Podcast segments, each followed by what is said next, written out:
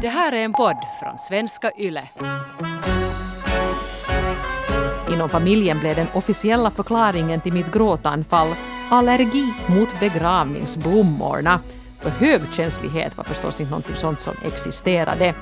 Nu som vuxen drar jag mig för att gå på begravningar, tårarna sprutar oberoende av vem som ligger i kistan.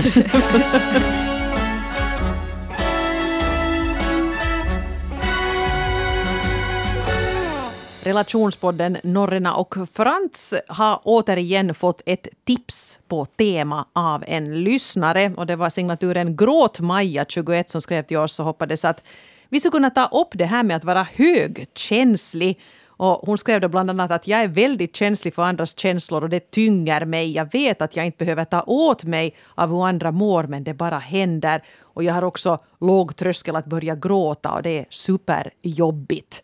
Eh, så skrev hon allt möjligt annat också. Men, men vi hakar ju på här och tyckte att visst ska vi ju prata om detta. Mm. Högkänslighet så är ju säkert ett bekant begrepp för den som är högkänslig. Jag tror att jag känner igen mig ganska mycket här i Gråt-Majas berättelse också. Jag upplever mig själv vara högkänslig. Men för den som inte är bekant med det här begreppet så ska vi förstås försöka öppna upp det lite. Mm. Och för att göra det här så har vi också bjudit in en gäst hit idag. Marika Rökäs från föreningen HSB Finland. En HSB-ambassadör ska vi kunna kalla dig. Hur ska du Marika beskriva HSB? Vad innebär det att vara högkänslig? No, först hjärtligt tack för inbjudan. Det är jätteskoj att, att jag får medverka idag. Och som svar på frågan så skulle jag säga att du ser, du hör, du känner vågar jag säga allt och lite till. Mm. Mycket sånt som du kanske inte alltid skulle behöva ta åt dig. Men sen genast måste jag säga som en, som en fördel. Du får ut väldigt mycket också av det som du upplever. Det blir en stark upplevelse. Mm. Som du bearbetar på djup, om jag säger så här. Mm. Jag säger ett stort tack till Gråt-Maja för att du tipsade om, om det här. För när vi la ut den här frågan då på webben så välde det in svar det är länge sedan vi har fått så här mycket brev faktiskt. Så det var nog många som kände sig träffade av det här. Och det är inte så konstigt egentligen för det är väl en femtedel av befolkningen eh, skulle kunna kallas då för högkänsliga. Jo, det stämmer. mellan 15 och 20 procent så räknar man att det berör både män och kvinnor. Och någonting som tycker jag är fascinerande, så även djur. Mm. Har man kommit ja. fram till att, att det där, ja, jag tycker det är en intressant detalj. Mm. Ja, men djur är ju också liksom individer. Mm, precis. Så, ja. Det som sen tror jag att många har missförstått lite med det här är ju att det skulle vara liksom en diagnos eller en, en funktionsnedsättning. Men det är det väl inte? Det är ingen diagnos och det är inte en sjukdom. Och jag skulle säga att det är bra om vi får tankarna att det är inte någonting kanske som behöver betyda att det ska vara så jobbigt att du känner att du vill bli av med det. Det kan lätt liksom leda till det. Men jag tycker absolut att det är någonting. Det är en resurs. Men det handlar mycket om att hej, du ska lära dig att se det kanske från ett sånt, mm. sånt perspektiv och på ett sånt sätt att du verkligen kan få det att bli till en resurs och en, och en värdefull sak i din vardag. Mm. Och precis det här var väldigt många inne på som skrev till oss. Och nu, vi fick så många brev så att vi kommer inte att få med alla här i podden och vi kommer inte ens att få med alla på webben. Men, men det var några grejer som så många nämnde så jag tänkte att jag skulle kunna lista dem. Eh, många av er skrev om det här då att, att ni blir faktiskt väldigt trötta av att umgås med folk. Att vill inte alls undvika sociala sammanhang men efteråt måste man vila sig. Många skrev att har man lite fritid går man helst ut i skogen och, och tömmer skallen och, och njuter av tystnaden. Sen det här som du Marika sa, att man ständigt liksom har känselsprötena ute. Att man är väldigt medveten om, man skannar ett rum, att hur mår alla, vem har en dålig dag och så här. Och sen det här med gråten, det delar lite upp folk för att en del skrev att jag inte alls gråtmild, att gråter gör jag inte sällan och andra var så att ja, men jag gråter hela tiden, gråter någon på TV så gråter jag. Mm. Fast jag är inte ledsen heller, att man har lätt till gråt. Så skulle jag säga att det var kanske de där grejerna som, som många nämnde. Låter det bekant? Jo, visst låter allt, allt låter bekant. Jag tänker kanske det här som en sån sak också att, att vad anses som att det är okej okay, eller på något sätt tillåtet. Att det, det är tråkigt att det vänds till någonting som att du tycker att, oj, att det är genant att liksom visa sina känslor. Men, men jag skulle nästan säga just det här om att helt enkelt innan du lär dig om vad det är så jag igen hör till den här den här det där, när vi pratar om HSS så då är det liksom på engelska alltså sensation seeking. Och då är vi ute efter det här att vi liksom, vi vill lära oss nytt. Vi är nyfikna och vi tycker att liksom, oj vad det ska vara skoj. Då kommer vi in igen på den här biten. Att det lär sig, det handlar om att du ska lära dig att sätta lite de där gränserna i din iver att vilja upptäcka och, och så här. För att då är vi igen inne på någonting som är det här med att du blir överstimulerad med sociala sammanhang som du till exempel just mm. nämnde. Så att det lätt blir för mycket. Okej, okay. men HSP det är Highly Sensitive, sensitive person. person. Ja. Och HSS var? Då är det igen att när man är högkänslig och det är sensation seeking. Just alltså, det. Ja, Okej. Okay. Sen var det Gabriella, 39, som skrev att, att hon föredrar att använda termen högreaktiv för hon tycker att högkänslig har en negativ klang som att man på något sätt är svagare än andra. Vad säger du om det? Jättebra point. Och det här är någonting som jag själv tycker är bra nu att vi har börjat mer och mer föra den här diskussionen om att det är sensitivitet som det handlar om. För att känslig är ju lite sådär att man är inte så känslig. Exakt. Mm. Och det här är ofta någonting som man har kanske fått höra också. Att, att man är för känslig. När man egentligen är känslig. Det bara kommer att se ut på ett, på ett lite kanske ja, annat sätt. Starkare. Jag kan uppleva att, att det emellan kanske ses lite som ett svaghetstecken också. För vi är tränade till att vi ska vara som så tuffa och klara oss själva och, och vara liksom målmedvetna på jobbet och, och, inte liksom visa några känslor. Att, att det nästan kan eh, upplevas som en nackdel om du är känslig. Eller vet du, om du börjar gråta på ett möte. Eller, eller, något, eller fast då du har en konflikt med en kollega eller, eller någon du känner att, att man upplevs som svag. Mm, det stämmer. Det stämmer. Och jag, när jag tänker ännu på det här på termen, vad vi använder, så på något sätt på engelskan highly sensitive. Jag tycker det har en vacker klang. Det är någonting som du ser som att du liksom tänker. Mm. Och sen i en erityisherkka på finska tycker jag att det låter lite sådär, lite att man är svag och att det är någonting som inte kanske är så bra. Mm. Ja, no, men vi, vi ska försöka ja, ta oss fram rätt här med, med, med termerna. Men HSP och högkänslig är i alla fall helt gångbara termer. Bra poäng det där också med med högreaktiv. Men vi hade tänkt så här att vi skulle dela upp det här lite. Vi ska prata lite om att vara högkänslig i parförhållande och i familjen. Sen kanske om de här sociala sammanhangen. Men sen också faktiskt stanna upp en, en stund vid det här med att vara högkänslig på jobbet. För det var väldigt många som lyfte fram just det. Mm. Men om vi ska ta ett första brev här som kommer från en gråtmild man, 36 år, som skriver så här. Jag är uppvuxen i ett bondesamhälle där manlighet värderades högt och känslor inte fick visas. När jag var i 15-årsåldern dog en äldre släkting och hela familjen skulle på begravningen. Det var första begravningen för mig och jag visste inte riktigt vad jag skulle förvänta mig. Väl på plats blev jag helt överrumplad av sorg. Den finstämda orgelmusiken vid blomsterhyllningen fick mig till slut att börja storböla. Pinsamheten visste inga gränser för 15-åriga mig som var mitt i puberteten. Inom familjen blev den officiella förklaringen till mitt gråtanfall allergi mot begravningsblommorna. För högkänslighet var förstås inte något sånt som existerade. Nu som vuxen drar jag mig för att gå på begravningar, tårarna sprutar oberoende av vem som ligger i kistan. skrattar åt din finurliga formulering här, även ja. om vi förstår att det är en väldigt prekär situation. Mm. Men sådär alltså, man till och med hittar på att det var nog allergi, att pojken grät. Ja, för jag kan tänka att man kanske inte hade väntat sig det här. Så då var det ju lite så att oj, då vill du förklara bort det lite. Men det här tycker jag är jätte, jättefint på något sätt beskrivet här just att vad som händer i den situationen. Alltså det är så, du blir alldeles liksom, ja, kan man säga, du blir alldeles till dig. Du blir som starkt ja. berörd. Det är väl härligt att kunna känna starkt, tycker man. Men det, det är nog ja. intressant det där för att, att jag tycker till exempel också att, jag, jag skulle kanske inte nu tro att jag är högkänslig, men på ett visst plan så, så, känner vi ju alla igen de här grejerna. Och jag har ofta tyckt att det är väldigt pinsamt att gråta på bio till exempel. Men det är ju också jätteskönt att bara låta det fara. Jag tror senast jag, jag började gråta så hejdlöst i Mamma Mia 2, så att mina barn började tycka att hade fått något anfall.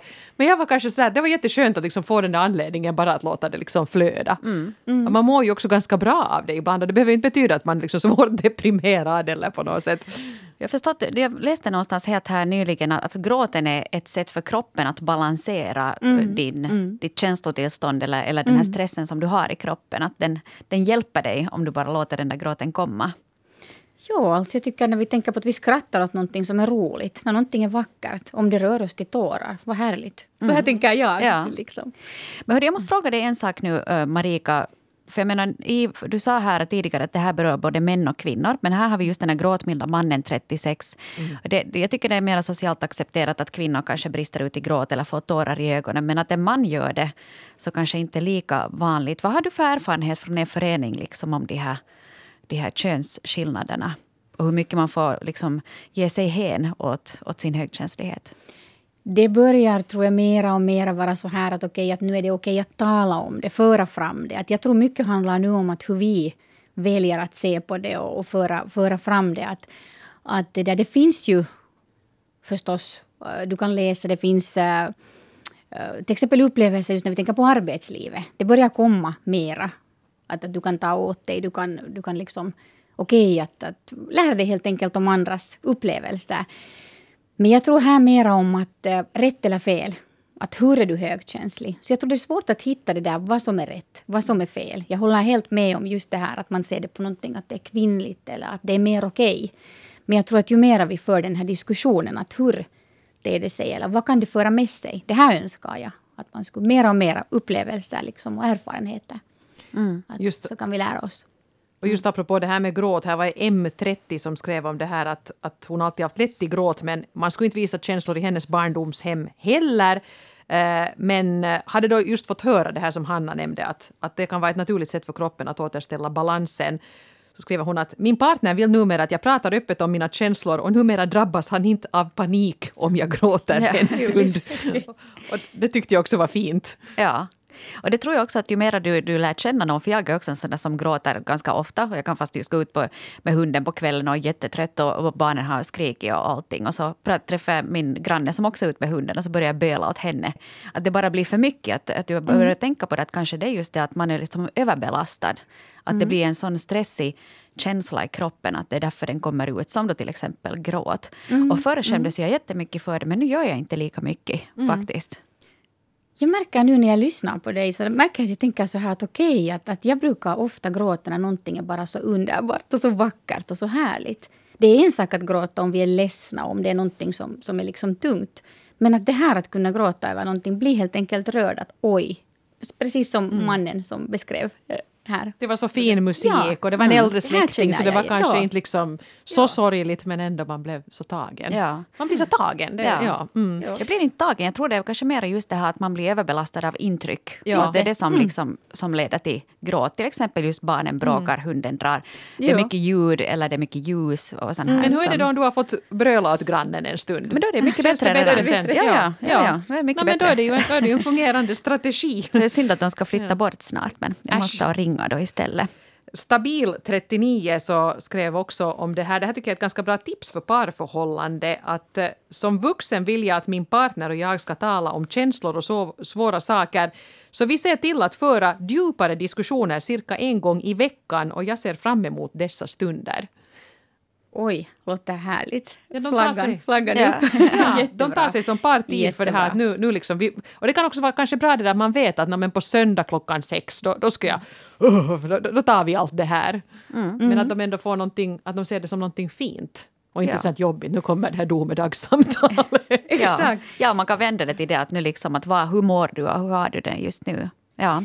På tal om parförhållande så här har sjukskötare i 50-årsåldern också skrivit in så här.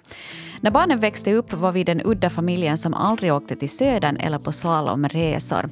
Barnens pappa är också högkänslig och vi har bara inte klarat av att packa iväg oss på semester mitt i skolåret. Och samma sak gäller talkoarbeten och föreningsverksamhet. Vi har bara inte klarat av det. Vi har fullt upp med att orka med barn och jobb. Min man är varmhjärtad, öppen och empatisk och vi har behov av samma lugna tempo. Och det här gör att vi har klarat av vår relation trots många tuffa perioder i livet. Mm. Så kanske lika barn leker bäst där då det på något sätt också. Det är jättebeskrivande. Och ofta behövs det ju inte. Det vet jag att många, många lyfter fram. Att när de upplever det, att alltid behövs inte ens ord, att man bara förstår varandra. Jag tänkte just också på det här med, med de här diskussionerna och att det går in på djupet. Och det är ju det som det ofta mycket handlar om också. Att du ger helt enkelt den tid som det krävs. Många andra i din omgivning, de är snabba, de går vidare.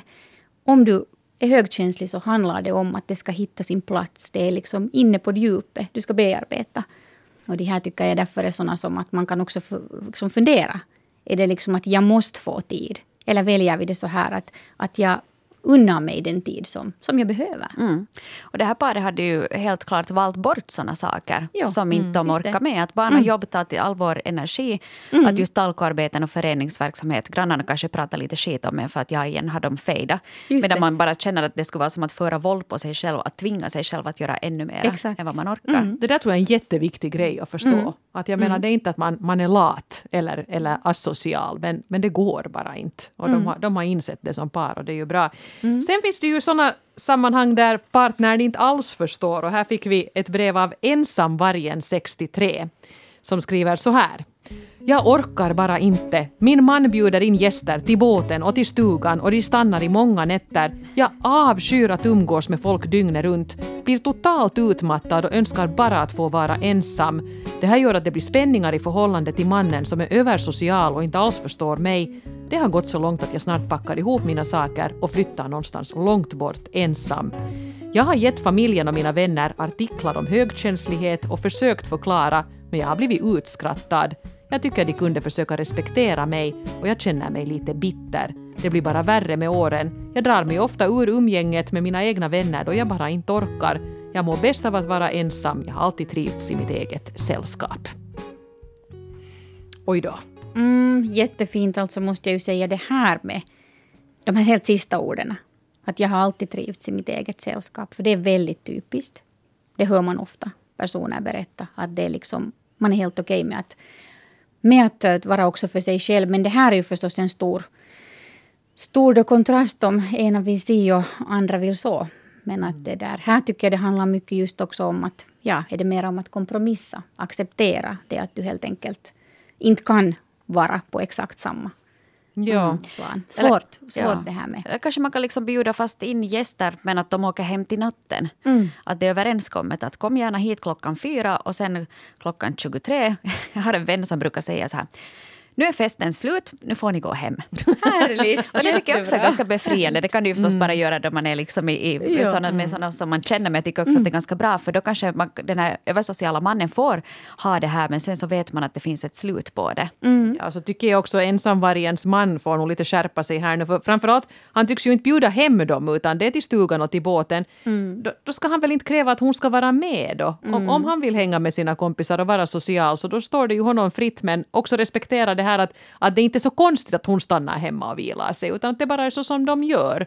Att de skulle ha den där förståelsen för varandra. Men nu verkar det nog som att att ensamvargen ger väldigt mycket och inte riktigt... Har, månne mannen riktigt förstått hur allvarligt det är? Jag tror inte det.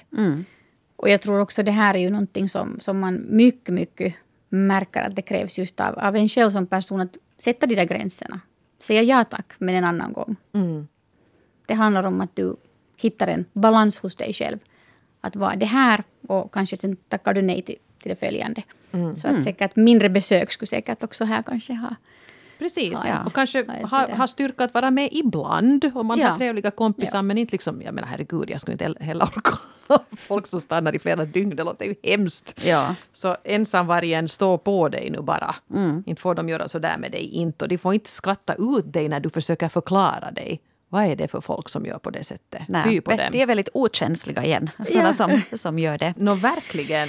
Vi skulle kunna gå över till jobbet och eh, arbetsmiljön. För det var väldigt många som hade skrivit in just om hur högkänslighet påverkar eh, arbetet och, och hur man upplever det. Och här har vi till exempel eh, ett brev som kommer från Anna-Karin, 52, som är lärare. Hon skriver så här. Jag är högkänslig med en släng av ADHD och jag är lärare och borde alltså kunna ta både glåpord, stress och oljud med en klackspark, men det går inte så bra alla dagar. Jag är helt slut när jag kommer hem efter att ha kämpat för att vara en lugn och trygg vuxen utan att bracka ihop själv. Men i möten med föräldrar så har jag faktiskt nytta av känsligheten. Det är som om jag skulle veta vad de inte säger om sin situation och då kan jag ge ord åt den. Ifall min analys inte skulle tas väl emot så kan jag ändå satsa på att barnet ska få rätt sorts hjälp. Så skriver Anna-Karin, 52. Jättefint skrivet. Och bra beskriver hon ju det här att hon ser och hon vet i situationer vad liksom, som kanske inte den här personen mittemot henne just då en själv riktigt ännu är med på. Och det här, är någon, det här tycker jag är en av de här värdefulla sakerna. Jätte, jättefina med att du har sensitivitet på det sättet att du kan läsa, läsa av lite. Jättebra att hon lyfter fram Mm. det här. Samtidigt skulle jag tänka att det, det skulle vara ett helvete att jobba i en skola eller på ett dagis som högkänslig. Jag vet åtminstone personligen så är jag jättekänslig med, med ljud. Speciellt att mycket ljud så får mig, det driver mig till vansinne väldigt snabbt. Att jag lyfter nog på hatten Anna-Karin för att du orkar stå ut där med det där kaoset på skolan. Alla lärare borde ju få en medalj bara för det. Mm. Anna-Karin skrev också, jag kortar ner brevet lite, att, att det är ganska mycket att gå ut i skogen med hundarna efter jobbet Ja. för att liksom vila upp sig och, och så här. Men jag tycker det är jättebra det här med att, att kunna ha så mycket självinsikt att hon också har sett att det finns ju en superkraft i det här. Ja, att hon liksom precis. faktiskt kan, kan, kan se sånt som kanske hennes kollegor missar där mitt i hullabalooet i, i skolan. Eh, En, ann- sak om jag kan Jo, tillägga här. absolut, ja. ja. För jag tyckte det är en jätteviktig sak, det är också det här med tanke på miljön. Det är ju någonting som vi kanske ofta utgår från att en högkänslig person, en hurdan miljö gyn- gynnar en högkänslig person. När vi egentligen kan tänka att det säkert inte skulle vara så dumt att få lite ner en ljudnivå eller få något lugnare stunder in i vardagen för alla. Nej, det var bara sant. en parentes som jag Ja. Det var en mycket bra ville. parentes, inte är det ju bra för någon. så som det larmas i skolkorridorer. Inte? Nej. och sen kan det ju också finnas högkänsliga barn som upplever Exakt. den Ja. miljön som väldigt jobbig och, och har väldigt svårt att koncentrera sig därför. En annan arbetsplats där det säkert inte heller är direkt tyst är eh, metallindustrin. Och här hade Jesse, 47, skrivit Jag är en högkänslig man och upplever att det inte är så accepterat. Jag jobbar dessutom inom metallindustrin där de flesta är män och arbetskulturen är macho och konservativ. Högkänsligheten kommer mest fram i situationer med buller, starka lukter, i sociala situationer och vistelser på främmande platser. Många starka nya sinnesintryck kan bli överväldigande för mig. Både på jobbet och i relationer behöver jag dra mig tillbaka i ensamhet för att hämta andan och på min nuvarande arbetsplats är det svårt att ordna så jag har funderat på att byta jobb. Mm. Jo, det kan jag tänka. Det här just med... Där kommer det ganska mycket. Det kom både med buller och... Och, det liksom Och machomän och, ja, och precis, metall. precis. Och därför tycker jag det är så viktigt det här när vi talar om just miljön. Det är ju liksom någonting som, som helt enkelt... Du ska platsa in. Det är inte fel på miljön, det är inte fel på dig. Utan det gäller att du som person hittar den miljön som passar dig bäst. Att därför så tycker jag det... Jag har själv varit nämligen också med om, om det här att, att jag har jobbat i en miljö som jag har bara liksom ansett om att jag har funderat varför det inte fungerar eller vad är det som inte är okej. Innan jag sen har helt enkelt börjat förstås, förstå mer att okej, det har en förklaring. Varför Jag måste ta mera fäste på, på just det.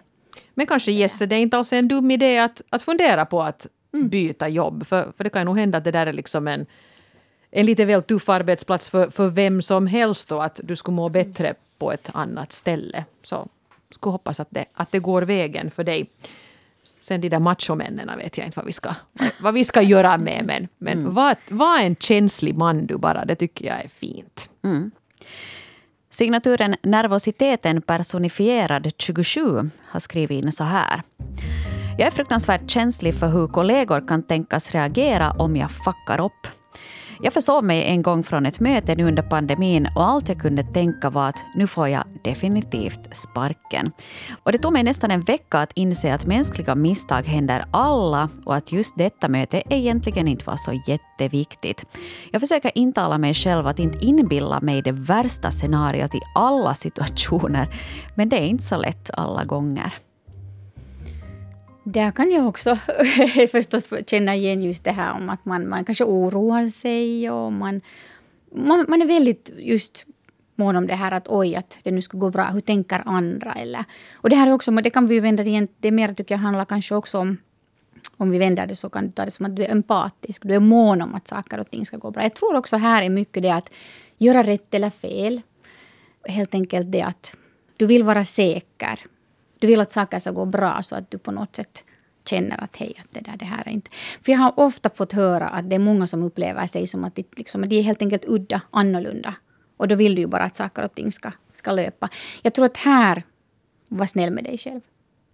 Var snäll med dig själv. Mm, precis. Andra tänker precis som du. Ja. Liksom att, att hej, världen går inte under. Och en del är alltid försenade till alla möten och lever riktigt lyckliga och, och obekymrade för det. Men jag kan, först, jag kan på något sätt lite relatera till det där att man liksom inbillar sig att, att oj nej, så de fick sitta och vänta på mig där och sen att det tar lite tid att, att sjunka in att men vad spelar det för roll?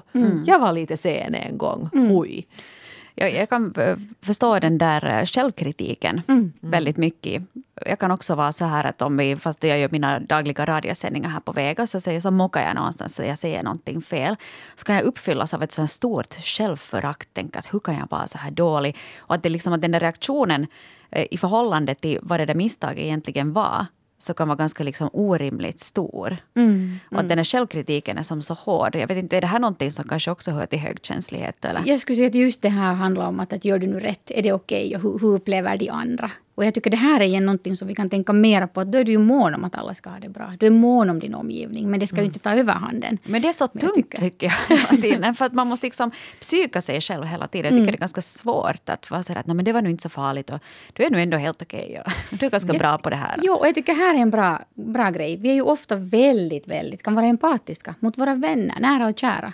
Där är vi och tröstar och oj, men det var inte så farligt. Vänd det mot dig själv och tänk att hej, lika, ha samma härliga förhållningssätt till, till liksom gentemot dig själv. Som, Där har du en utmaning, Där har jag en Hanna. utmaning, ja. För du är jättesnäll med alla andra. Nu får Ja. du ta, se dig i spegeln och vara snäll med dig själv också. Ja. Mm. Eh, här var en sjukskötare som skrev så här. Jag sökte en gång ett intressant arbete men det var en några år yngre kollega med skinn på näsan och vassare armbågar som fick jobbet.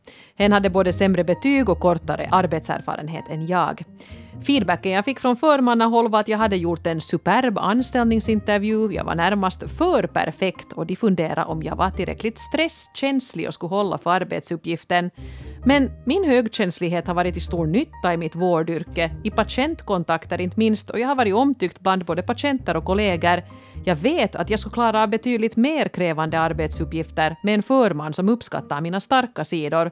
Men nu känner jag mig ibland så genom misslyckad. Jag har misslyckats med att avancera i karriären och det kommer alltid någon cool bulldozer och blåser förbi mig. Boo. mm, jät, igen vill jag säga.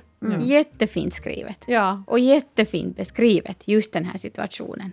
Om att det där att du vill inte vara där och liksom du kommer de där, fram de där vassa armbågarna. Här igen tycker jag vi är inne på en så viktig sak när vi talar om att man kan berätta om att man är omtyckt bland kollegor och klienter eller patienter. Det här är någonting som jag tycker att vi borde lyfta fram mera som en egenskap, att hur man kan bemöta den andra. Och, och det här är ofta något som jag tycker att kanske inte får den där tillräckliga. Vi, vi kanske är medvetna om att det är viktigt hur du bemöter. Men det är att du har en egenskap, du har en sån, ett sånt sätt att du kan bemöta någon och beröra och liksom verkligen se. Det här är något som jag tycker att är absolut viktigt att lyfta. Ja, vem vill man bli fram. vårdad av när man ligger på sjukhus? Den här karriärbulldozern eller den här snälla, liksom, empatiska människan som, som faktiskt frågar att, "Nå, hur är det nu och, och, och ser hur man har det. Men där får ju nog kanske också den här, jag kan inte riktigt förstå mig hur de här förmännen tänkte om, om hon då var på en arbetsintervju. Varför frågar de inte då att att ja, att, att du brukar ju själv beskriva dig som känslig. Att hur är det med stressdåligheten? Varför frågar de inte? Hon skulle säkert ha kunnat förklara det här. Men nu blev de istället så tagna av den här yngre med lite Ja. sämre betyg som hade sån fan och, och ja, nej. Konst, konstigt tänkt där tycker jag, men jag hoppas nog att vår sjukskötare här inte ska känna sig genom misslyckad, för jag tycker nog verkligen inte att det, det är dig det är något fel på här, utan den här situationen var ju liksom skev. Och kanske man kan se det där också att fast man inte lyckas avancera i karriären så kanske du kan se till exempel dina dagliga möten med dina patienter då ni har ett, ett fint ögonblick tillsammans. Att se de här som små segrar som du kan rada upp vet du, lite som, som pärlor på ett snöre. Och så åker patienterna hem från sjukhuset och säger att "Nå, det var nu lite jobbigt där, men det var en så ljuvlig sköterska. Alltså, hon var så snäll och, och visste alltid precis vad jag behövde. Ja. för, för så går det garanterat. En grej som jag tänkte på just här nu. Det var det här med stressdåligheten. Så nu vänder man det kanske lite, nu, utan att veta förstås situationen. Nu vänder man ju det så här att okej, att hur skulle du kunna göra någonting annat när vi istället tänk om. Vi skulle tänka så här. Vad är där i den här miljön och arbetsplatsen eller är det kanske där vi skulle kunna göra några ändringar? Men jag tyckte det vändes lite mot individen. Att ungefär att här är stressigt, hur klarar Ja. du det här? Just det var det, bara ja. en tanke. Ja. Ja, och, och som hon skrev här också att om förmannen skulle se hennes starka sidor och liksom ge henne sådana arbetsuppgifter skulle det kunna bli en helt annan grej. Men Ja, systemet är liksom lite märkligt uppbyggt här kanske. Ja, och där var det också lite tillbaka till det Marika som du sa att, att eh, är arbetslivet uppbyggt för de som mm. är starka och inte så känsliga och mm, de som precis. klarar av ett högt tempo utan att gå under. Mm, just det. Mm. Att, att nu är det också besvärligt om man märker att folk går ner liksom till 80 procent eller 60 procents arbetstid för att man helt enkelt inte orkar med den där mm. stressiga mm. miljön. Det här hör man från många olika branscher. Så att det, mm. Dessvärre, eller just vårdyrke som vi talar om här. Det är ju mm. rekordmånga inom vårdbranschen nu som säger upp sig helt enkelt för att de inte pallar det. Så bra det. poäng där av dig Marika, mm. att kanske arbetsgivarna borde lite se över att hur situationen är istället för att skylla på arbetstagarna att de är för känsliga, att inte de pallar trycket. Mm. Några... det var ju en liten parentes där, men, men skulle vi kunna ta och summera lite här nu då? Här var några brev som jag tyckte var så fina så det skulle vara kul att få med dem. Och här har vi till exempel Soul Sisters som båda är 35 som skrev vi har varit bästa vänner i över tio år och vi märkte genast att vi hade flertalet liknande karaktäristiska drag och vi förstod varandra på en djupare nivå. Och vi hade båda i tiderna gått i tron att det var något fel på oss. Det här var före HSB blev känt för allmänheten. Det är enormt givande att vi har varandra och med det här meddelandet vill vi bara belysa till andra HSB-are. Ni är inte ensamma skriver Soul Sisters. Woohoo! Super sensitive Soul Sisters skrev där. Lite uppmuntran till alla andra som, de som kanske inte har någon i sin närhet som förstår. Mm. Mm. Jessica, 22, har också skrivit så här. Jag upplever ofta att jag inte riktigt hör hemma i den värld jag har blivit placerad i för att det inte finns förståelse gentemot individer som stämplas som överkänsliga. Människor är rädda för sånt som de inte förstår, men det är därför också ganska lätt att hitta dem som jag kan vara mig själv med. Det visar sig i ett tidigt skede vilka personer som ens försöker och vilka som tycker att jag bara är en vekling. Det är just den hänsynen och förståelsen som är viktig, inte nödvändigtvis att alla i ens umgängeskrets är högkänsliga själva och förstår till 100 procent av det allt det jag upplever. Att de är öppna och mottagliga för att ens försöka räcker faktiskt ganska långt. Så säger Jessica. Jag tycker att det där kan man ju ta med sig. Mm. För jag tror att det är ganska många som... Till och med när vi, när vi meddelade att vi skulle ta upp det här ämnet i podden så var det ju några som skrev om att vad är det här nu? Att ska ni prata om något lite mer vetenskapligt och riktigt och kanske psykologiska diagnoser och sånt som har någon tyngd. Så jag tror kanske inte riktigt den här förståelsen på ett allmänt plan ännu finns. Att en del är nu, är nu bara så här. Och kanske man inte behöver förstå det till hundra procent men i alla fall försöka vara medveten om det, tänker jag. Eh, men om vi ännu skulle ta stabil 39 som ett bra avslutningsord här. Jag ser det som en styrka och inte som ett problem att ha en spirituell kontakt med andra människor. Vår värld behöver mera förståelse av andra människor, vilket den här så kallade överkänsligheten ju är. Egentligen är kanske överkänsliga personer de med normal känslighet och det är resten som har trubbats av. Härliga ord. Härliga ord. Mm. Jättefint skrivet. Ja, jag tänker att det kanske ligger någonting i det där. Mm. Är, det, är det de här andra fyra femtedelarna som har blivit lite onödigt avtrubbade och de högkänsliga som är de normala? Mm. Och som upplever livet på bästa möjliga sätt. Eller upplever livet med alla de här kryddorna och intrycken som finns. Ja, jag tror att det är så. Ja. Vi säger ett stort tack till alla er som har skrivit in. Som sagt, eh, som Soul Sisters här också skrev, är du en högkänslig person så är du verkligen inte ensam. En femtedel uppskattningsvis av befolkningen så är högkänsliga på något sätt. Och stort tack till dig också Marika Rökes för att du kom hit och, och hjälpte oss ta oss an det här ämnet.